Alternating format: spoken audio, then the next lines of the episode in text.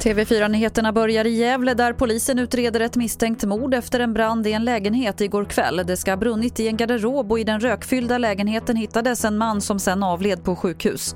Polisen säger att det inte går att utesluta mord men de har ingen misstänkt. Igår kväll blev en pojke i tonåren misshandlad vid en badplats i Kungsängen norr om Stockholm. Enligt vittnen ska flera personer ha slagit honom och han fördes till sjukhus med ambulanshelikopter. Polisen utreder det som grov misshandel men har inte gripit någon. Och vi avslutar i USA där Joe Biden nu formellt har nominerats som Demokraternas presidentkandidat i valet i november.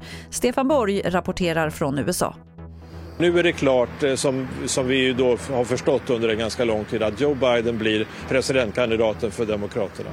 En sak som jag tror många tog intryck av det var ett tal som Jill Biden, hans fru, höll eh, där hon talade väldigt personligt både till det amerikanska folket. Hon stod i, en sko- i ett klassrum i en skola och talade om vardagsfrågor som hur ska det gå med skolöppnandet, oro för smittspridning, människor som har förlorat jobben. Det, det var ett väldigt personligt tal som jag tror många tog intryck av. Det var det senaste från TV4 Nyheterna. Jag heter Lotta Wall.